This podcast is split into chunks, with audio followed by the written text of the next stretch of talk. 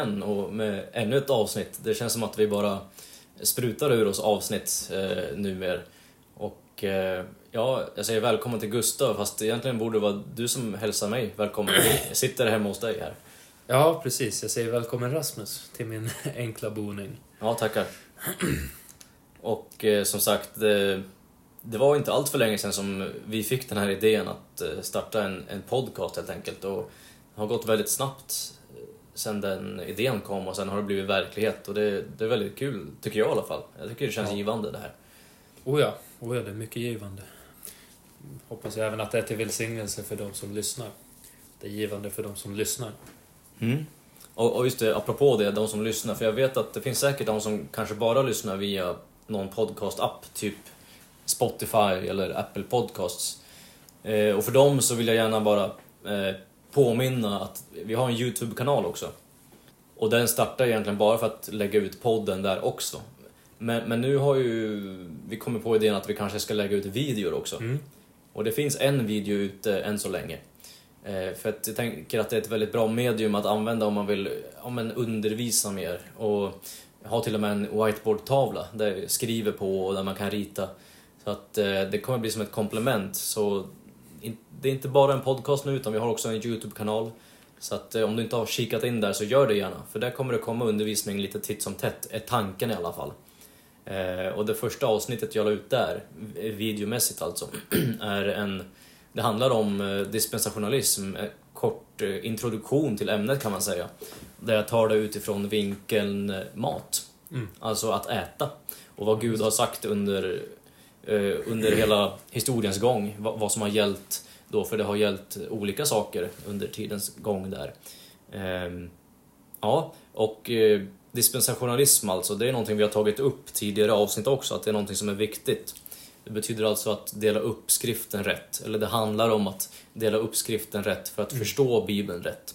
Eh, så det introavsnittet finns på Youtube, men det här avsnittet som du lyssnar på nu är tanken på att eh, det ska bli mer, eh, ett mer genomgående avsnitt, ett mer djupgående avsnitt om, om det här ämnet. Eh, så Gustav, om jag bara ställer en öppen fråga så här i början, vad, vad är dispensationalism? Ja, precis. Eh, och jag vill säga, innan jag drar igång för mycket, Ja, eh, jag skulle säga att det inte bara är en, en av de viktigaste grejerna, utan det här är den absolut viktigaste och egentligen, ja, jag kommer in på det snart. Jag tänkte säga att doktrinen, det är egentligen inte en doktrin. Eh, den absolut viktigaste, ja vi säger doktrinen som man måste lära sig och som egentligen är nyckeln till förståelse av Bibeln. Jag vet att det är ett väldigt det är ett stort uttalande. Det är liksom en väldigt... Ja, det är ett stort uttalande helt enkelt. Och, men jag tror att det är, det är nyckeln till att förstå Bibeln och det är roten till alla missförstånd. Och varför det finns 70 000 olika samfund som alla liksom... Ja, har sina eh, trossatser och vad de tror på och sånt där. Och de skiljer sig från varandra. Hur kan det skilja sig så mycket? och alla de här kyrkorna påstår ju sig också ha den rätta tolkningen av Bibeln. Ja, men precis. Och många, om inte nästan alla, också grundar sina läror och lärosatser på, Ja. bi- på Bibeln. Ja. Eh, Många av dem är ju, all, alla kyrkor och församlingar runt om och samfund och till och med sekter och kulter eh, har en biblisk undervisning på det sättet. De använder Bibeln Precis. och de kan argumentera för det de tror på. Precis. Eh, men det är liksom bara en väg som är rätt. Och det är därför som du har sagt någon gång, Rasmus, att det är viktigt att inte bara vara biblisk, utan att man måste även vara dispensationell. Det är precis lika viktigt. Och för att ja, gå in på att svara din fråga nu då. Vad är det? Vad är dispensationalism? Ja, det är svårt att uttala för det första. Det, det är ett långt, långt och krångligt ord. Ja. Och det kommer ju från engelskan, så det är, det är inte ett inhemskt ord. Dispensationalism, det är en form av hermeneutik, som också är ett krångligt grekiskt ord. Det betyder helt enkelt alltså ett sätt att läsa och förstå Bibeln. Hur ska man läsa Bibeln? Det, det är helt enkelt det det betyder. Så ett dispensationalism, det är en form av hermeneutik. Till exempel, hur läser man Bibeln? Jo, det finns de som läser Bibeln och ser det som eh, en metafor för någonting annat. och de, vi brukar kalla det att de förandligar skriften. Till exempel om man tar skapelsen. Adam och Eva, de eh, får ett bud av Gud, ät inte den här frukten. Men de gör det ändå. Och det är syndafallet. Då, då finns det de som förandligar och säger att ja, nej, det var ju inte bokstavligen talat en man och en kvinna som åt av en frukt, utan det här är ju en liknelse för människans eländiga tillstånd och hur vi behöver Gud som räddar oss. Eller till exempel det här sex dagar, Gud skapar världen på sex dagar. Det finns de som de tycker att det är oförenligt med sekulär vetenskap. Och då säger de att nej men de här dagarna det är ju mer en liknelse för en längre period. Då tolkar man Bibeln på ett vad ska man säga, metaforiskt sätt. Och Bibeln blir någon typ av fingervisning ungefär vad som är sant. Dispensationalism, det innebär helt enkelt att man tolkar Bibeln, man tolkar skriften alltid bokstavligt. Från början till slut.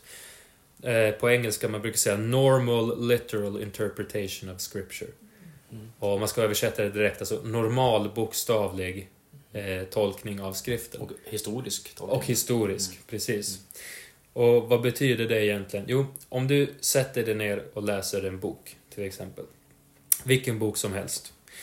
Och så bör, då börjar du inte i kapitel 17. Och sen tar du kapitel 5. Och sen tar du kapitel 22. Sen hoppar du till sista kapitlet. Och sen går du till första kapitlet. Eh, och så tänker du från ditt perspektiv att eh, karaktärerna i det första kapitlet har samma förståelse som du har, för att du har hoppat runt i skriften. Nej, det gör man ju inte. Utan om du tar en bok och läser den, då börjar du ju i kapitel 1. Ja. Och du läser från början till slut. Så varför skulle man göra någonting annat med Bibeln? Och till exempel om man gör så. Då, man måste förstå då att den kunskap som Adam och Eva hade, den är väldigt mycket mindre än den kunskap vi har idag. Noa hade mer kunskap än Adam och Eva. Men han hade mindre kunskap än Abraham. Och Abraham i sin tur hade mindre kunskap än Mose.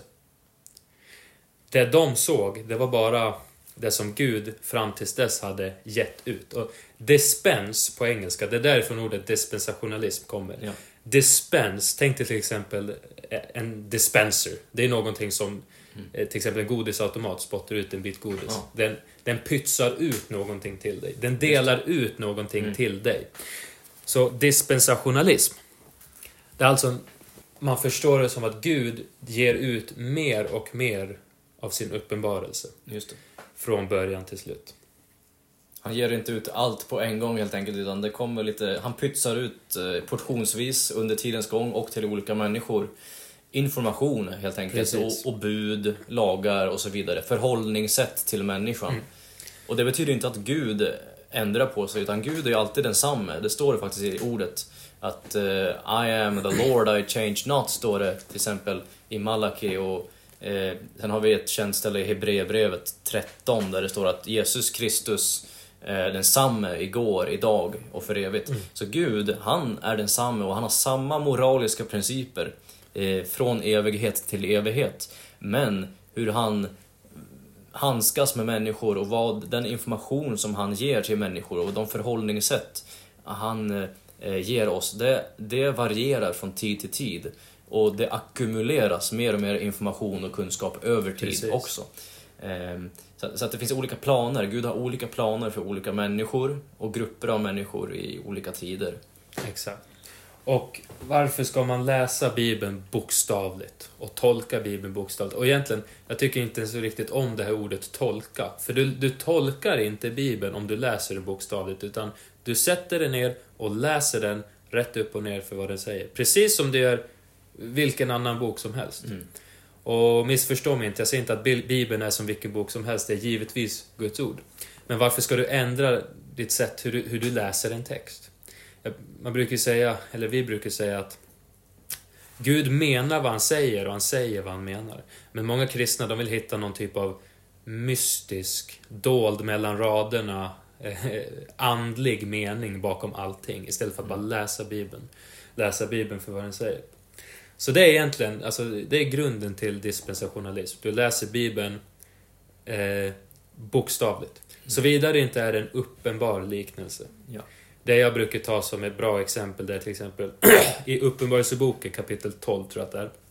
Då ser Johannes en kvinna som är iklädd solen. Mm. Och det, det här är ju en uppenbar liknelse för att Mm. dels är solen så mycket större än en kvinna. Så hur, hur kan du... Ja, du skulle inte se henne, hon blir som en liten prick i jämförelse. Ja. Plus, ja, om, du, om du ens närmar dig solen, då brinner du upp och dör. Så givetvis är det, det här är ju en liknelse. Ja, det är en bild helt enkelt. En bild. Och samt när Kristus säger jag, jag ger er en liknelse. Ja. Och så ger han en liknelse om Mm. fikonträdet eller vad det nu kan vara. Ja, då är det givetvis en liknelse. Ja. Men många kristna, de, de efter sitt eget behag, eller vad ska jag säga, Mm. så ger de andliga meningar och metaforiska meningar och säger oh, men det här är en liknelse för någonting annat. Mm. Och om du läser Bibeln på det sättet, kära lyssnare, vem är det då som har det sista ordet i vad Bibeln faktiskt säger? Vem är det som bestämmer hur man ska tolka skriften? Om du, om du ger dig själv, ja nu gav jag bort det lite grann, du ger dig själv makten att tolka skriften, rätten att tolka skriften, då är det du, ditt hjärta och dina förutfattade meningar som bestämmer vad Bibeln faktiskt säger. Och utifrån det har du alla de här olika idéströmningarna och olika inriktningarna. Mm. Att människor sätter sig ner och läser in sig själva i Bibeln. De läser in sina åsikter och sina tankar i Bibeln istället för att bara läsa den för vad den säger. Mm. Ja, det är ju ett, ett problem som jag ser framförallt idag, men det har alltid funnits säkert, men det här med egocentrerade i dagens verklighet, i dagens Precis. samhälle. Att folk vill gärna, och de gör det både medvetet och omedvetet Mm. säkert, läser in sig själva. Om vi talar om, bara om Bibeln nu då, så läser de in sig själva i Bibeln. Ja. Fastän Bibeln handlar inte om, om dig som lyssnar, eller Precis. om mig som sitter där. Den är inte skriven, allt är inte skrivet till mig och jag är inte huvudpersonen. Eh, idag är det som att alla liksom går runt eh, i sin egen bubbla och Mm. tror att man är universums huvudperson. Liksom. Main characters. Eh, men eh, då måste jag göra dig som lyssnar besviken och säga ja tyvärr, det är inte så. Och det kanske du ska vara glad för också att så inte är fallet. Utan nej, vi, visst du har en plats här i universum och Gud har skapat dig och mig och han har en plan för oss alla. Men det är inte, vi är inte universums centrum utan det är Herren Jesus Kristus som är det. Och det är framförallt om honom som Bibeln handlar. Bara för att ta ett exempel. Mm. Man hör ju jätte, jätteofta kristna i Sverige säga, ja, löst citerat, inte exakt, men ungefär så här. Jag vet vilka tankar jag har för dig. Eh, ja, men tankar om hopp. Mm. Och sen är det nog mer. Men att det är liksom, ja, men positiva tankar. Mm. Och det, fin- det finns ju till och med någon ja, lovsång som jag vet att de har sjungit mycket i min gamla församling. Ja. Och, det, och då, det kommer faktiskt från Jesaja. Mm. Det, Herren talade eh, genom profeten Jesaja. Och bara för att ge ett pr- praktiskt exempel, vad det är vi menar. Vem talade Jesaja till? Och när? Mm. Och då sätter man sig ner och läser och man förstår. Och att Jesaja talade, vad är det, 500 någonting före Kristus. 700 år före Kristus. 700 år före Kristus till och med. Till det judiska folket. Gud sa, berätta för mitt folk, judarna, det här. Så även fast att man kan, ja, man kan använda det på sig själv på ett sätt. Men man måste även förstå att i första hand så är det här, det här är en vers som var riktad till judarna Mm. på den tiden. Och om jag inte missminner mig så har det där har ju att göra med alltså, judarnas, eller Israels framtida eh, öde. Mm. Ja, det finns ju väldigt mycket profetior. Alltså om man tänker sig Jesaja är ju en av mina favoritböcker faktiskt i Bibeln. Fast jag vet att den inte är skriven om mig och till mig direkt så är det en oerhört eh, fantastisk bok. För det står mycket om millenniet eller kungariket som kommer komma en gång i framtiden. Eh, när Jesus Kristus regerar här på jorden. Så det är en oerhört fantastisk bok. Men alla luften i, i boken är inte till, till mig. Det Nej. måste man vara på det klara med. Precis, så det var bara ett litet Mm. exempel. Och då har vi ju, ja... Eh, Gud beordrar oss att studera sitt ord. Just det. Och jag ser att du har, du har versen redan framme, så du kanske kan eh, introducera Ja. nästa punkt genom att läsa versen. För det, Precis. Jag hade slagit upp i andra Timoteusbrevet redan, för jag kände på mig att vi skulle kanske börja med den här versen. Ja. Eh, Jag hade inte bestämt det, men jag bara tänkte att det här är förmodligen det vi kommer börja med. Och då är det andra Timoteusbrev, andra kapitlet, vers 15. Och det här är ju faktiskt en av mina favoritverser. Mm. Har blivit det på grund av att jag vet, när jag kommit till insikt om betydelsen och, och vikten av, Eh, av principen som, som eh, Paulus återspeglar här. Så om jag läser helt enkelt eh, Andra Timoteus 2.15 Study to show thyself approved unto God, a workman that needeth not to be ashamed, rightly dividing the word of truth. Och vad som är intressant med den här versen att det är bara, och nu menar jag det verkligen, det är bara i King James-bibeln som du har det här ordet study. Alltså det första ordet i versen är studera. Ingen annan bibel har det ordet här. Och det är det enda stället i bibeln där det står att du direkt ska studera Guds ord. Det finns många ställen i bibeln som pratar om, att, pratar om Guds ord och pratar om skriften, att vi ska eh, lära oss det och så vidare. Men här är det enda stället som använder ordet study i, i samband med, eh, med, med Guds ord. Då. Och i samma vers så står det också hur vi ska studera. Nämligen rightly dividing the word of truth. På svenska blir det att rätt dela. Eller rätt dela upp. Det är viktigt kanske att lägga till det här, dela upp. För om man bara säger dela på svenska så kan det ibland bli som i betydelsen share på engelska, alltså man delar med Mm. sig.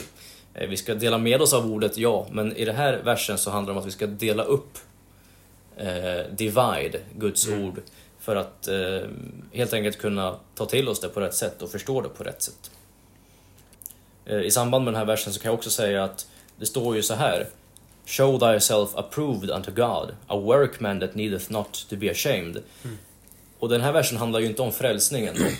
För vi kan inte jobba oss till vår frälsning och vi kan inte visa oss godkända, show appro- ourselves approved, alltså visa oss godkända inför Gud.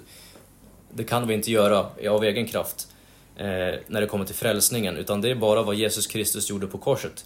Men vi kan däremot visa oss godkända i hur vi har studerat hans ord och, och eh, efter det att vi har blivit frälsta så är det ju en daglig vandring med Gud. Att vi ska gå hans vägar och gå i tjänst för honom. Och vi kommer ju alla att bli belönade eh, på olika sätt eh, vid Kristi domstol. Ehm, för alla kristna kommer att bedömas. Vi kommer inte att dömas, men vi kommer att bedömas eh, vid, i samband med uppryckandet. Och det här är- är ju ett ämne för sig. Dels så kommer vi ha ett eget avsnitt om uppryckandet och så kommer vi ha ett avsnitt om Kristi domstol. Det här är stora ämnen. Men i alla fall, vid Kristi domstol så kommer vi att eh, få se våra gärningar där inför Gud och de dåliga gärningarna så att säga, de som inte har varit uppbyggligt för, för, för Guds rike och varit liksom Guds vilja, de kommer att brinna upp i en eld står det. Medan de bra sakerna vi har gjort, det liknas vid guld, silver och ädelstenar som, som består eldprovet. Mm. Och det är sådana skatter vi vill samla oss i himlen. Så att, att, att visa oss själva godkända inför Gud här, det har direkt koppling till att studera ordet, vilket är intressant. Så det är nästan det första Gud vill, det viktigaste Gud vill efter det att vi har tagit emot hans frälsning, det är att studera hans ord, Mm. läsa hans ord dagligen. Det är där belöningarna ligger först och främst som vi kommer kunna få i livet som kommer efter detta. Och när du studerar ordet, du kan inte göra det på ett annat sätt. Om du vill bli approved unto God, Mm. du kan inte göra det på annat sätt än att dela upp skriften. Mm. Men Rasmus, vad, vad betyder det att dela upp skriften? Ska jag ta, ska jag ta ett svärd och hugga min bibel mitt i tu? Eller, alltså, vad, kan du förklara, vad betyder det att dela upp skriften? Ja, eh, jag kan ta det från den här synvinkeln. Mm. Du kan få lägga till sen efter det. Men jag tänk, det jag tänker på först i alla fall. Eh, eftersom vi nämnde det här med att läsa Bibeln bokstavligt. Ja. Eh, om man gör det, och när man gör det, och läser hela Bibeln, från perm till perm, då kommer man stöta på mer än en gång, alltså flera tillfällen, så kommer Bibeln att motsäga sig själv vid ett antal tillfällen. Många tillfällen skulle jag säga. Mm. Och det är både i stort och smått, alltså mindre viktiga doktriner om man kan säga så, och, men också på viktiga doktriner, så när det kommer till frälsningen till exempel. Hur blir jag frälst? hur får jag komma till himlen efter jag dör? Eller när, ja, när jag dör. Eh, Det är ett viktigt ämne, men Bibeln säger faktiskt olika saker, har olika svar på de här frågorna, beroende på var någonstans du läser. Så vi måste dela upp helt enkelt och veta vad som är skrivet till oss och vad som inte är skrivet till oss. Så att vi inte går och lär oss fel doktriner och sen lär ut fel doktriner till andra. Till exempel när det kommer till frälsningen. Vi vill ju predika evangeliet så att folk kan bli frälsta, men om vi då predikar fel evangelium så att säga, fel evangelium för vår tid, då får vi ju ingen frukt av vårt arbete. Ja. Så det var, det, först, det var det första jag tänkte på. Har du något exempel på en falsk doktrin som kommer av att man inte delar upp? Eller det, en motsägelse. En motsägelse Mm. i Bibeln. För det, det, det kanske är många som lyssnar på det där och hajar till. Nej, det finns inga motsägelser i Bibeln. Då har man kanske fått lära sig att Ja, Bibeln, hela Bibeln är i samklang, samklang med sig själv. Och det är sant på ett vis. Det är sant på ett sätt. Bibeln är i samklang, den är absolut. Men om man inte då delar upp, om man tror att allt är skrivet direkt till oss, då kommer den att motsäga sig själv. Precis. Det första jag tänker på, och det här är i samband med frälsningen, så hittar man i Jakobs brev, om vi börjar där, i Jakobs brev kapitel 2. Eh, och det är egentligen bara en vers jag behöver läsa där. Men då skriver Jakob så här, och Jakob är ju Jesu halvbror. Han var ledare i församlingen i Jerusalem. Ye see then how that by works a man is justified and not by faith only. Jaha. Där skriver han alltså att vi är rättfärdiggjorda, justified, alltså rättfärdiggörelsen som är ett begrepp inom frälsningen, eh, är inte bara utav tro utan av eh, gärningar eller att work, alltså att arbeta. Eh, och det går ju på tvärs emot vad vi får lära oss idag, att vi är frälsta av tro alena och alltså genom nåd och av tro. Eh, och det finns ju flera ställen i Paulus skrifter man skulle kunna ta som exempel på, och sen motsäger det. Eh, vi kan ju till exempel kolla i, ja, vi kan börja i Romarbrevet för att det är ju för hans första brev. Vi kan ta Romarbrevet 3 kanske. Ja, ja, precis. Vi kan börja i Romarbrevet 3. Jag läser från vers 20. Therefore by the deeds of the law there shall no flesh be justified in his sight. Alltså, inga laggärningar ska vi bli rättfärdiggjorda inför Gud. Och sen kan vi bara kolla lite längre till höger i kapitel 4 i samma bok. Vers 5 så står det så här. But to him that worketh not, but believeth on him that justifieth the ungodly, his faith is counted, him, is counted for righteousness. Samma där, det är inte no, no, genom arbete utan det är bara genom tron. Eh, och sen ett annat favoritställe som jag tror vi, många av oss har är ju Efesierbrevet 2, Mm. 8-9. Och den borde jag kunna citera, men jag vill läsa så att jag inte säger fel ändå. Det är lite, man har ju lite press på sig när man sitter och spelar in så här. Så Efesierbrevet 2, 8-9. For by grace are you saved through faith, and that not of yourselves. It is the gift of God, not of works, lest any man should boast. Wow. Hur kan det vara så här? Eh, det finns en tydlig motsägelse. Att Paulus skriver en sak, så kommer Jakob och på något sätt försöker han tala emot Paulus. Försöker han vara Jakob emot Paulus? Eller vad kommer det här sig av? Ja, nej de var ju inte motståndare mot varandra. Nej. För det kan ju nästan Eh, framstå som mm. det när Paulus säger att nej, det är inte gärningar. Så kommer Jakob och säger jaha, ni, är du frälst bara av gärningar? Nej, det är du inte. Och då ska vi vara... Eller tro. Ja. Nej, men jag ska vara så kontroversiell och säga att båda har rätt. Jaha. Men de motsäger varandra. För att de är inte ämnade till samma publik helt enkelt. Det är inte samma mottagare som är Mm. ämnad med de här olika breven som är skrivna. Och eh, ja, det är helt enkelt för vår frälsning idag så är det det evangelium som uppenbarades för Paulus. Det är där vi, det, det evangeliumet vi blir frälsta av. Mm. Men Jakob, han var ju tillsammans med lärjungarna och under Jesu tid, när han vandrade på jorden, då var det ett annat evangelium som predikades. Och det här är kanske det kanske mest kontroversiella i det här eh, som vi säger nu, att Jesus predikade ett annat evangelium än som Paulusen predikade. För under hela Matteus, Markus, Lukas, Johannes och början av Apostlagärningarna så är det som kallas rikets evangelium, eller evangeliumet, evangeliet om riket som predikas. Och det skiljer sig åt från eh, det senare. Kan jag, kan jag flika in och Mm. kanske säga att eh, det kan ju vara en förklaring till att väldigt många människor har fel, fel evangelium helt enkelt. De har fel frälsningsuppfattning. Vi- Jag kan inte räkna hur många gånger jag har försökt, efter att jag blivit frälst, och förstått att det här sammanhanget jag är är med i och eh, Alltså inte för att hänga ut eller peka ut någon, men många, alltså, alltså i frikyrkan, då, eh, de är inte ens frälst. Så För de förlitar sig på sina laggärningar för att komma till himlen. Och jag försökte förklara till dem, för dem att frälsning, frälsningen är gratis. Du behöver bara ta emot genom tro och sen är du evigt säker. Jag försökte förklara de här sakerna. Jag kan inte räkna antalet gånger som de svarar tillbaka med Jakobs brev 2. Det var det vanligaste svaret var Ja, fast tro utan gärningar, det är död tro. Det, det är det vanligaste svaret jag, jag fick. Just det, det är vanligt. Ja. Och innan jag förstod hur man ska dela upp skriften, jag hade, jag hade inget svar på det. Nej. Svaret blir istället att man får förandliga och förklara bort Jakobs brev. Och så, så här brukade jag förklara bort det förut. Ja, men Jakob pratar om att bli rättfärdiggjord i människans ögon, inte i Guds ögon. Eh, Jakob menar på att när du tror är du rättfärdig inför Gud, men för att andra människor ska dra nytta av din tro så måste du göra gärningar.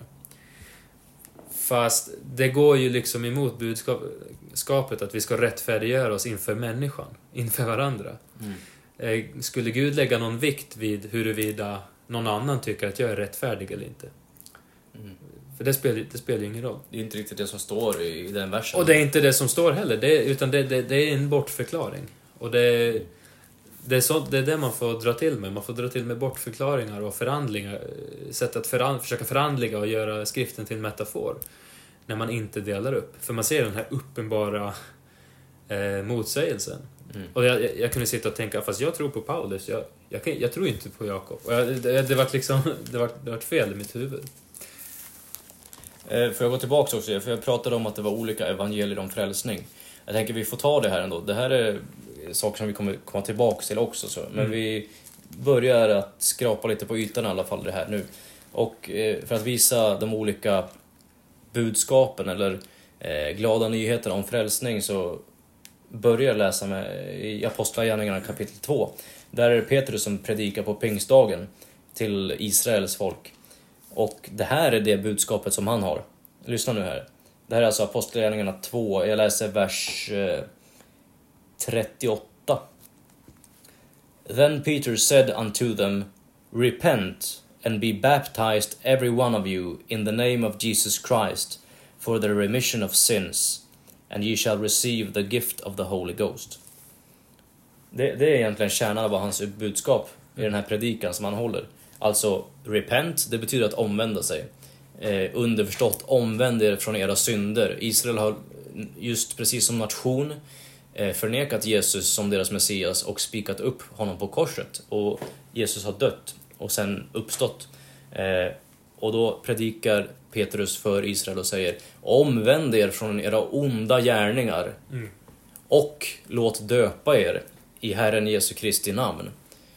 Alltså, vad är det som frälser dem? Jo, enligt Petrus är det att de ska omvända sig från sin synd och låta döpa sig i vatten i Herren Jesu Kristi namn. Och underförstått då också tro att Jesus förstås är den sände, utsände Messias. Det, det är vad de här judarna behövde tro på för att bli frälsta. Och, och det är egentligen samma budskap som predikas under hela eh, Jesu tid på jorden. Matteus, Markus, Lukas, Johannes. Mm. Eh, I evangelierna. Det är det budskap som predikas och även före Jesus kliver ut på scenen så att säga. Innan han gör det så, så är Johannes döparen på plats och förbereder väg eh, för Jesus då. Och Johannes döparen har samma budskap. Han, han, vad predikar han? Jo, han predikar, det här kan man läsa om i början av evangelierna, eh, om Johannes döparen. Men han predikar i alla fall, Guds rike är nära. Mm. omvänd er och låt döpa er. Och, och, och då också kom till tro på att Messias, han kommer nu, förbereder. I riket är nära. Precis. Och felet som många kristna gör är att de predikar ju samma sak. Omvänd er och bli döpt. Mm. Det är ju väldigt vanligt budskap bland kristna idag. Och bland eh, karismatiker och människor och eh, ja, pingstvänner Mm. och andra, även andra som kallar sig evangelikala, kristna, bibeltroende eller vad de nu kallar sig. Mm. Just det här omvänd er, bli döpt. Och det, då blir man frälst. Och det som vi sa i början, ja, de får det ju från Bibeln. Mm. Men det går rakt emot vad Paulus predikar. Och det går rakt emot vad evangeliet är, är idag. Precis, och jag nämner det innan vi glömmer tappar tråden. Att eh, det här som jag läste nu var ju evangeliet under den tiden som var och Mm. sen kommer Paulus och får ett nytt evangelium uppenbarat för sig. Och det, det tydligaste stället där är ju första Korintierbrevet kapitel 15. Eh, och då citerar jag inte nu, men kort och koncist så är det att hur vi ska tro på att Jesus Kristus dog på korset för våra synder, hur han begravdes och uppstod igen på tredje dagen. Det, så enkelt är det. Det är Ja. liksom den grejen. Alltså korset finns ju med eh, i Petrus predikan där på pingstdagen på det sättet att ni spikade upp vår Messias på korset, ni dödade honom. Eh, ni har begått en grov synd, ni har begått fel, ni måste omvända er från de här hemskheterna. Ni har mördat Messias, ni måste omvända er från det. Så predikade Petrus korset. Medan Paulus, han, han predikar ju korset som någonting härligt, någonting oerhört positivt. Mm. Paulus predikar ju att korset, det, Jesus dog på korset för era synder. Det var liksom det verk som han kom för att uträtta. Eh, och, och han, han dog på korset för era synder, han begravdes och uppstod igen på tredje dagen och det är det som frälser er om ni bara tror på det och väljer att lita på det. Det är ett annat budskap än vad som predikas tidigare. Och som sagt, bägge är rätt, men de är inte rätt samtidigt, utan det är olika tidsepoker, eller som det ord som vi helst vill använda oss av, det är olika dispensationer helt enkelt. Eh, och därför gäller de, eh, de gäll, bägge gäller men under olika dispensationer. Mm. Så, ibland blir det lite långa utläggningar här känner jag, med eh, att det går långsamt framåt. Och ibland är det svårt att förklara vad det är vi menar, men jag hoppas att det går fram i alla fall. Eh, Ja, jag hade tänkt gå in på det lite senare men det känns som att vi kommer... Vi håller på att beröra det nu. För om det nu är så att eh, lyssnaren börjar förstå att nej, det är inte samma budskap genom hela Bibeln utan eh, Gud dispenserar, eller Gud delar ut mer information och eh, mer uppenbarelse ju längre tiden går. Och eh, ja, det finns olika budskap, till och med olika evangelier. Och konsekvensen blir ju att om du tror på fel evangelium, då kommer du dö och hamna i helvete. Så det är ju, det är ju seriöst. Om nu lyssnaren har förstått det, eller de kanske redan har förstått det, men de funderar på, jaha, så hur vet jag vilken dispensation jag är i? Eller alltså hur vet jag... Ja, kan, kan inte jag sätta mig och läsa eh, Matteus evangeliet kanske de tänker, för det är inte till mig. Eh, tänkte om vi skulle förklara lite det. Hur vet jag vilken dispensation jag är i idag? Och Egentligen är det ju väldigt, väldigt simpelt. Det är väldigt, väldigt enkelt. Ja, du, det är bäst att du svarar på den Ja. Gustav. Jag, har inte, jag vet inte vad du försöker dra i för tråd här nu. Den tråden jag försöker dra i... du måste fråga dig själv när lever jag? Och, Mm. och, och vem är jag? Egentligen så enkelt är det. Just det, ja men då förstår jag. För om du säger att, ja, det kanske inte är så vanligt i Sverige men eh, sjundedagsadventister Jaha. som säger att du måste eh, hålla lagen och specifikt sabbaten. Ja. De gillar ju liksom att prata om sabbaten, sabbaten, sabbaten och så pekar de i bibeln här står det att ni ska eh, helga sabbaten, Mm. hålla den helig och sådär. Men de pekar ju på verser från Gamla Testamentet. Och då måste jag fråga den adventisten, är du en jude Mm. 1500 efter, före Kristus? Ja eller nej? Mm. Ja, nej det är jag inte, utan jag är en, jag är en vanlig tjomme utan något som helst judiskt blod Mm. eh, på 2000-talet. Mm. Ja, då är den versen inte till dig. Eh, hela Gamla Testamentet egentligen kan man säga, det är inte till dig. Det betyder inte att du inte ska läsa det, utan du ska läsa det. Mm, och du ska tro på det. Dels för att det är från Gamla Testamentet som vi får profetier om mycket av Israels framtid. Profetier om Jesus. Ja. Samt att givetvis finns det vad ska man säga, andliga lärdomar som vi kan dra från Gamla Testamentet. Men hur vet du då vilken, eh, vilken dispensation du är i? Såvida inte uppryckandet har skett när du sitter och lyssnar på det här, Ja. så är du i Paulus dispensation. Eller man kan kalla det för, det är mer vanligt att man kallar det för nådens dispensation. Mm. Alltså dispensation of grace. Precis. Vissa tycker om att kalla det för the church age, eller alltså kyrkans dispensation. Och alltså det är bara olika sätt att benämna samma sak. Ja. Från det att Paulus blir kallad och givs sitt speciella uppdrag av Jesus fram till uppryckandet. Än så länge är det en period på ungefär, det är lite mindre än 2000 år. Ja. Det är den dispensation som du som lyssnar förmodligen lever i, som sagt, såvida inte uppryckandet har skett. Eh, och det går också att bevisa med Bibeln. Om man till exempel går till Galaterbrevet.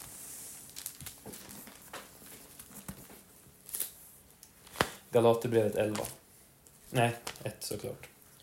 Så många kapitel finns det inte i. Galaterbrevet. För det... Många tror att ja, men Petrus, Johannes, Paulus, de predikar ju alla samma sak. De predikar ju Jesus. Och de predikar ja, men pingstens budskap. Och de predikar, ja vad det nu är man tror på. De predikar alla samma sak. Men det är inte vad Bibeln säger. Bibeln säger om man läser Galaterbrevet 1, 15 och 16. But when it pleased God who separated me, det är Paulus som skriver, from my mother's womb and called me by his grace. Så när, Paul, när Paulus blev kallad, vers 16, to reveal his son in me, that I might preach him among the heathen, immediately I conferred not with flesh and blood. Och så vidare. Reveal, vers nummer 16. Det betyder att du gör någonting känt. Om någonting blir gjort känt, eh, då betyder det att det var okänt innan. Det betyder att det var ingen som visste det här innan. Och vad är det Paulus, eh, vad är det Paulus gjorde känt? Då kan vi gå till första Korinthierbrevet 15 och läsa evangeliet. Första Korinthierbrevet 15, jag läser från vers 1. Moreover, brethren, I declare unto you the gospel which I preached unto you, which also ye have received and wherein ye stand. Så Paulus pratar till korintierna. De är inte judar utan de är greker. By which also ye are saved if ye keep in memory what I preached unto you, unless ye have believed in vain. For I delivered unto you first of all that which I also received. Så här har vi svaret på vad är det, vad är det Paulus fick ta emot. Mm. How that Christ died for our sins according to the scriptures, and that he was buried, and that he rose again the third day according to the scriptures. Det är ju vårt evangelium. Det är ju vad vi tror på. Det är ju vad vi predikar. Jesus dog för dina synder, begravdes och återuppstod. Tro på honom och du blir frälst. Så Paulus säger att det här blev uppenbarat i honom, Mm. genom honom. Om vi går tillbaka till Galaterbrevet och läser från eh, kapitel 1, vers 11. Då står det But I certify you, brethren, that the gospel which was, which was preached of me is not after man. Som vi stannar upp där. Vilket gospel? Vilket evangelium pratar Paulus om?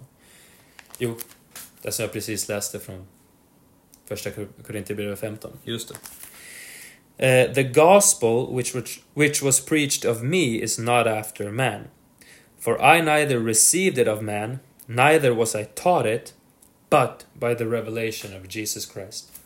Så Jesus Kristus, när han kallar Paulus i Apostlagärningarna 9, då ger han Paulus det här uppdraget att bli hedningarnas apostel.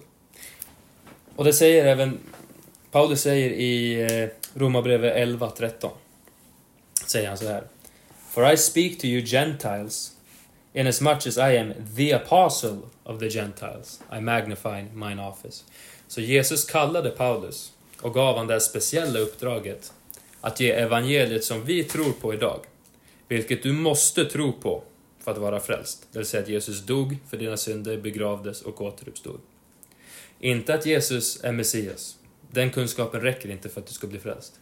Inte heller att du måste bli döpt eller omvända dig från någon synd, utan vad Jesus gjorde för dig på korset, hur han begravdes och återuppstod. Detta gav Jesus till Paulus. Och Paulus blev sen beordrad att ge det här till hedningarna. Mm. Så det, det, är en, det är en skift, det är en förändring. Mm. Från det här kungarikets evangelium som vi har pratat om nu, som judar predikade främst till andra judar. Till att juden Paulus får uppdraget att gå till hedningarna, gå till grekerna och ge dem det här andra budskapet. Det nya budskapet. Och då, då kan man kanske gå in lite på varför. Varför ändrar Gud sitt program? Ska vi gå in på det? Jag tänker först, innan vi går vidare, så det är en annan intressant sak som står i Galaterbrevet. När vi precis läste där hur, hur Paulus fick en uppenbarelse direkt, direkt av Jesus Kristus, det här nya evangeliet så att säga. Precis. Och då är det kanske någon som invänder och säger ja men Jesus kan ju ha uppenbarat samma evangelium för Paulus eh, och eh, lärjungarna och det, de kan ju fortfarande haft samma evangelium. Att de predikade samma. Men då står det sen i kapitel 2 Paulus pratar om hur han efter sin frälsning, hur han först var i Arabien i tre år och inte, han, han var inte med någon annan människa, framförallt inte några andra lärjungar, utan han var för sig själv mer eller mindre. Och jag tror att han under den här tiden fick uppenbarelse från Gud och att eh, han, han, fick helt enkelt lära sig en hel del saker. Men sen i kapitel 2 står, skriver Paulus så här. Then 14 years after, alltså 14 år efter det här, I went up again to Jerusalem with Barnabas and took Titus with me also. And I went up by revelation and communicated unto them that gospel which I preach among the Gentiles, but, pri but privately to them which were of reputation, lest by any means I should run or had run uh, in vain. Så det intressanta här är ju han säger hur han långt efter han blivit frälst och fått det här evangeliet eh, uppenbarat av Jesus går upp till Jerusalem och pratar med lärjungarna där. För Jerusalem var ju liksom huvudkvarteret för eh, lärjungarna och den eh, kyrkan, den judiska kyrkan här i, i, i det första århundradet, i början. Eh, den ursprungliga kyrkan. Han gick upp dit till Jerusalem och kommunicerar till de som är där evangeliet som jag, alltså Paulus, predikar hos hedningarna. Varför skulle Paulus behöva gå upp till dem och kommunicera vad det är för evangelium han predikar? Mm. Om det nu var samma evangelium de predikade. Så det är ju väldigt intressant. Det är ju uppenbarligen så att det Mycket är bra skillnader där. Mycket bra poäng. Ja, jag tänkte att eh, Mhm. det jag sa nyss, att förklara lite varför ändrar Gud på sitt program? Varför kom han med nya uppenbarelser? Och egentligen, det, det kanske skulle gå, ta väldigt lång tid att Ja. förklara det djupt, men man kan enkelt säga att när det sker en förändring, då förändrar Gud även sitt program. Varje dispensation avslutas ofta i någon typ av katastrof eller totalt misslyckande från människans sida att hålla det som Gud har gett dem. Ja. Och sen kommer en ny dispensation när, ibland ganska radikalt, blir Ja. det förändrat. Ibland blir det tvärtom mot, vad man, de var beordrade att eh, göra förut. Till exempel, kungarikets evangelium predikades fram till att Stefanos blev eh, den första martyren i Apostlagärningarna kapitel 7. Eh, fram tills dess, alltså från, eh, från Johannes döparen fram Mm. till Stefanos, Ja. predikades kungarikets evangelium. Det vill Ja. säga, ni judar, Messias är här, Ja. ta emot honom. Efter korsfästelsen så sa de, ni mördade er Messias, men ni kan fortfarande vända om, ta emot honom och ni ska få ert ri- rike. Just det. Eh, och Stefanos var den sista som liksom försökte övertyga dem. Och hur slutade det? Jo, det slutade med att de mördade honom. Mm. Och det är intressant, eh, jag kommer inte läsa det, men han säger eh, Ye do always resist the Holy Ghost. Så han säger, ni, ni motstår den heliga Ande, alltså ni motstår det här som Gud vill ge till er. Så det, det är liksom en bekräftelse på att de vill inte ha det här. De... Eh, nu kommer en anglicism, eller en, det är ett, ett engelskt ord, reject. De totalt motsa, motsatte sig det här budskapet som Gud kom med och de ville inte ha med det att göra. Och då, då kommer Gud med det här nya programmet. Att eh, ge evangeliet till hedningarna. Som är ett helt annat program än vad eh, kungarikets evangelium var. Så det var den här stora förändringen. Eh, Gud erbjöd dem sitt rike. Det kungarike som hade utlovats i Gamla Testamentet av profeterna. Det utlovades, men judarna ville inte ha det. De dödade sin Messias. Och, och sen så, och efteråt vill de fortfarande inte ha det. Så då, då sa Gud, okej, okay, då kommer jag ändra mitt program och gå till hedningarna med det här budskapet. Mm. Och sen när den tiden är över, när hedningarnas tid, eller man ska kalla det, är över.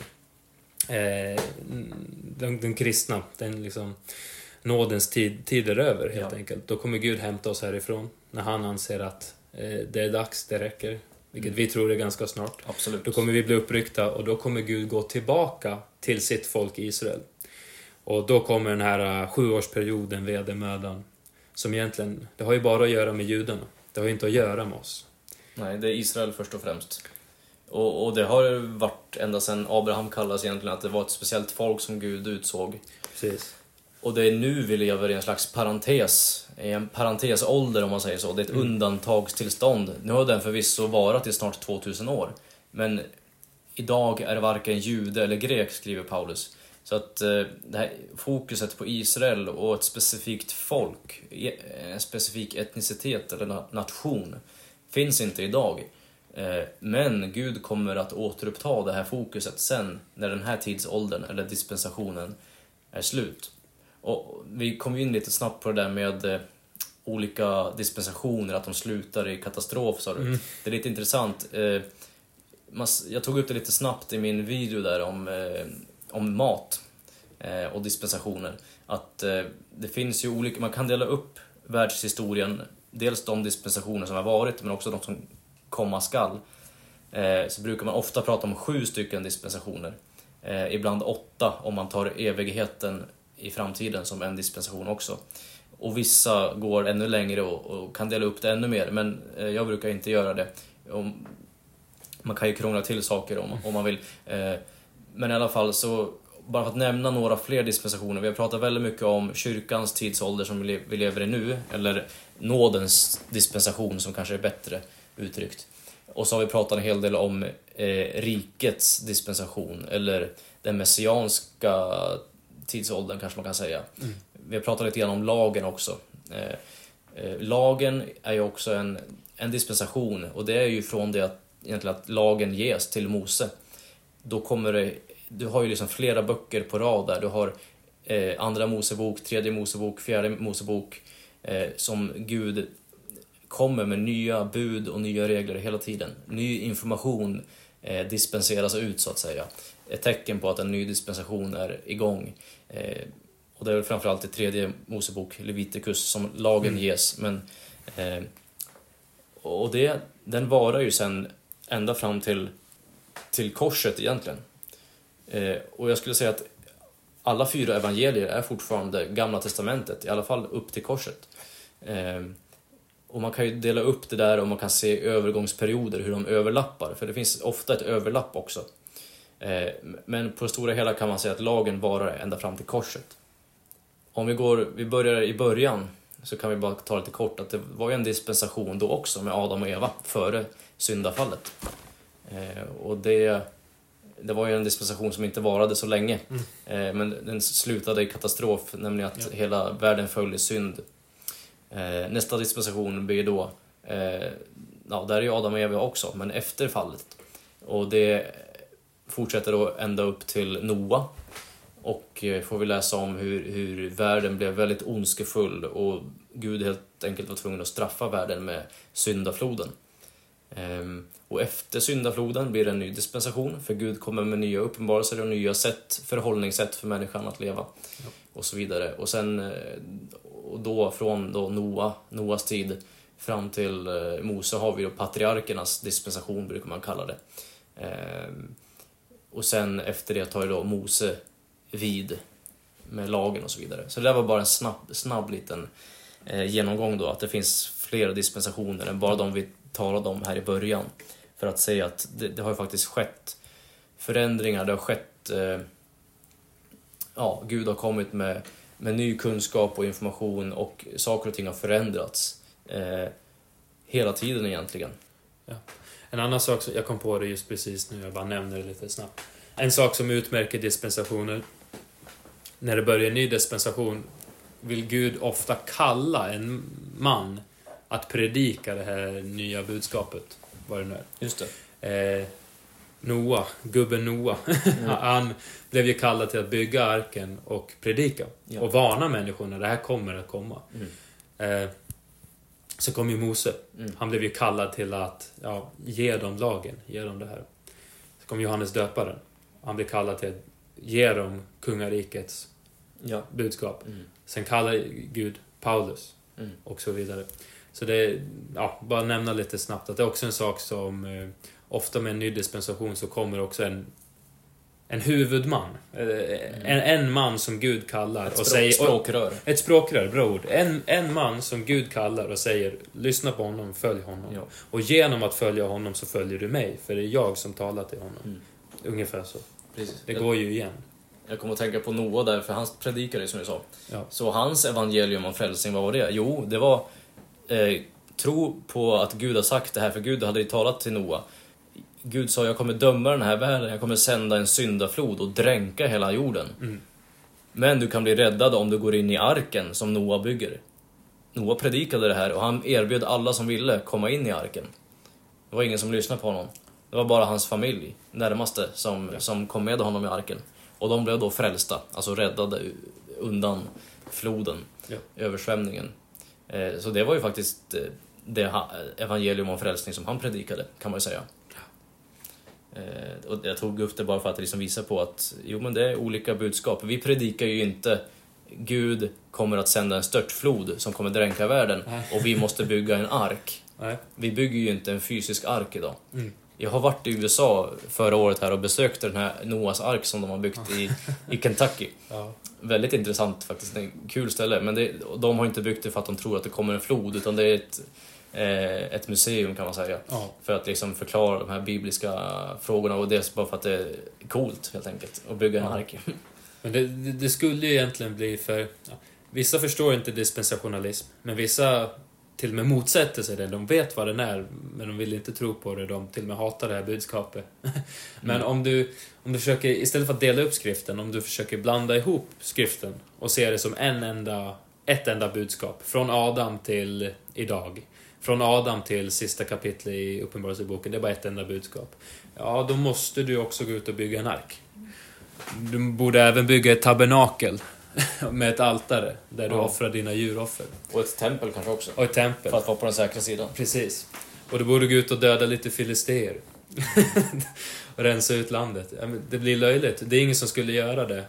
Fast samma människor säger ja, ah, men du måste hålla lagen. Ja, men, oh, nej, men du måste göra de här gärningarna. Om du syndar, eh, då har du förlorat din frälsning. För att, ja, det läser de i Gamla Testamentet. Mm. Och det läser de även i de fyra evangelierna.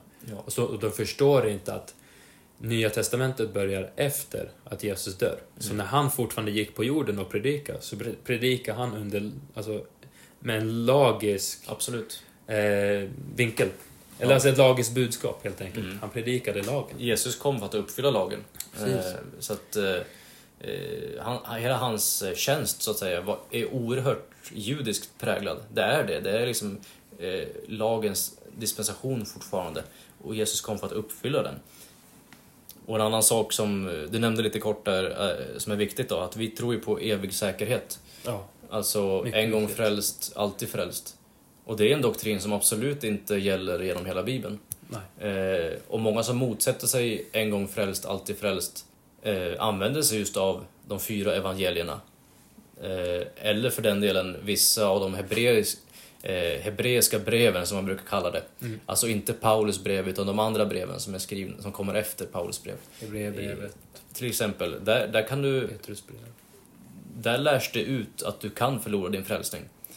Eh, Det är vad som står svart på vitt. Så att du kommer kunna förlora din frälsning till exempel i, under vedermödan, som är nästa dispensation. Ja. Och du kunde också förlora din frälsning tidigare. Jag tänker bara på en sån sak som David i Saltaren skriver han att han ber till Gud att ta inte den helige ande ifrån mig till Precis. exempel. Eh, Så det var ju en realitet då och det kommer att bli en realitet sen också. Och Saulus var ju, kung Saul var ju han var ju faktiskt med om det. Just det, Han blev ju av med anden. det blev han. Ehm, Så att, eh, att förlora sin frälsning är en biblisk doktrin. Eh, Men i fel dispensation så blir det en felaktig doktrin. I den här dispensationen vi lever nu, och jag tror, utan att gå in för djupt på det, så är det den här dispensationen egentligen den enda i Bibeln som vi faktiskt har evig säkerhet. Och det är en oerhörd nåd, en oerhörd, alltså det är helt fantastiskt. För om vi inte hade haft evig säkerhet, ja då hade inte jag kunnat vara eh, säker på att jag var frälst helt enkelt. Jag skulle inte kunna ha frälsningsvisshet som det heter. Men nu är jag, jag är säker på, även om jag skulle falla i synd eller råka göra felaktiga saker så, så har jag min frälsning, jag, kom, jag har min plats i himmel, himlen, jag kan inte förlora den. Och ja, det var jag oerhört tacksam för, för jag menar om jag hade kunnat förlora min frälsning hade jag gjort det för länge sedan. Jaha, flera gånger om. Flera gånger om.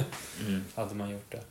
Och bara, ja, känner att jag ville förtydliga också det här med vedermödan, när tiden som kommer att komma, att då kan man förlora sin frälsning. Det är även väldigt viktigt att säga att vi som lever och är frälsta idag behöver inte vara rädda för det, för vi kommer inte vara, vara med då.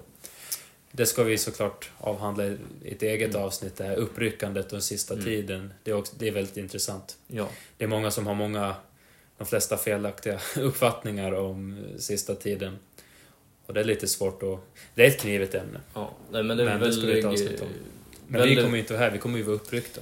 Ja, tack gode gud för det. Vi kommer absolut inte vara här under vedermödan.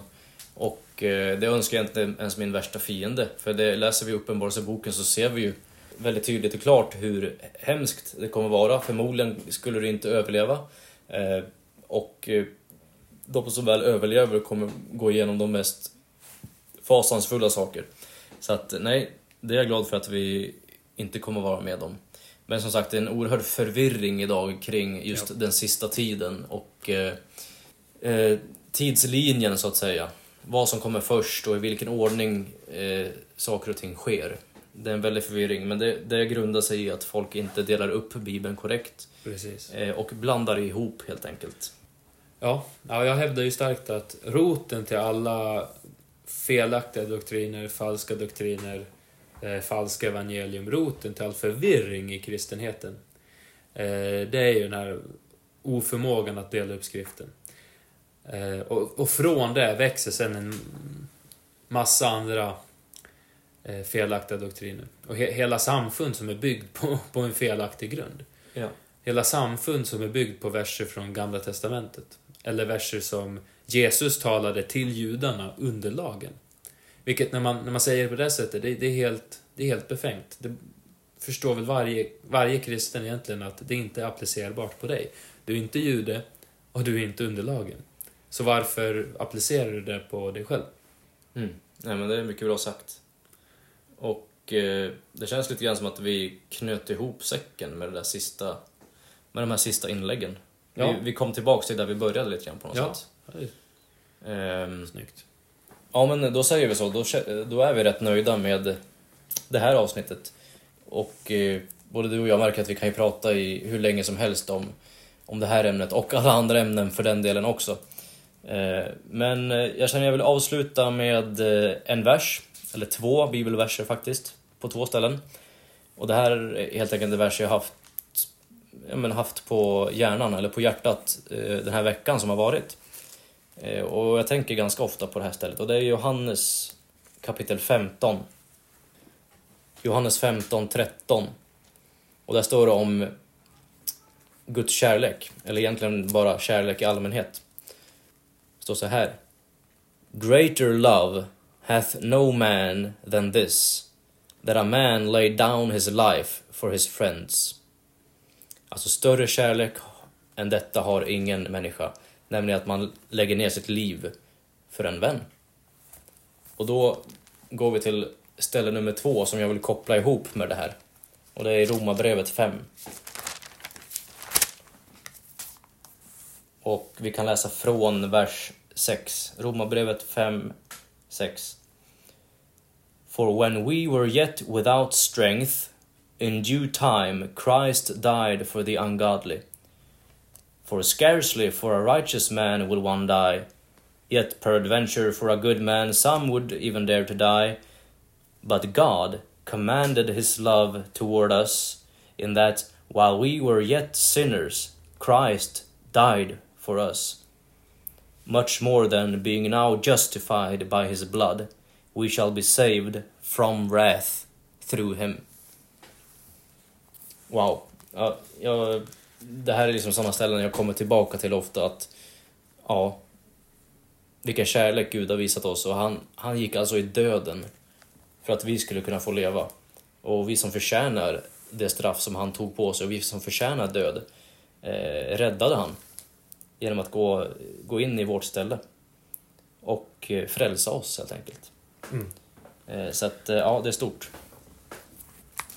Och eh, apropå frälsningen, jag tänker så här, om det är någon som lyssnar som inte är frälst, du kan besluta dig här och nu för att eh, bli frälst och ta emot budskapet om frälsning. Gustav ville bara dela lite, väldigt kort. Det är, som du säger, när vi var Guds fiender, när vi var syndare, så gjorde Gud den här kärlekshandlingen att han sände sin son att dö för oss. Vi var inte ens han, hans vänner, vi var inte ens på god fot, utan vi var hans fiender och ändå gjorde han det för oss. Det är alltså en större kärlek än någon typ av mänsklig kärlek, att dö för sina vänner. Amen. Sanningen är den att alla som lyssnar har syndat. Och du som lyssnar är en syndare. Och om du inte är frälst så är du fortfarande i dina synder. Och Guds vrede är över dig. Och om du dör i dina synder, då lär Bibeln ut att du hamnar i helvetet. Det finns två ställen där man kan hamna, himmel och helvete. Och evangeliet är så simpelt, det är detta. Gud sände sin enfödde son, Jesus Kristus, att dö för dina synder. Han valde att gå upp på korset med alla dina synder som du någonsin har gjort och någonsin kommer att göra i ditt framtida liv. Han såg allt, han visste allt. Och om du var den enda människa, du som lyssnar, om du var den enda människan på hela jordklotet, så hade han gjort det bara för din skull. Bara för din skull. Gått upp på korset, låta sig lida, spilla sitt dyrbara blod ut på korset och ner på marken. Dö uppe på korset för dina synder. Han lades i en grav och tre dagar senare återuppstod han och övervann döden. Och Bibeln lär ut att din, dina gärningar kan inte rädda dig.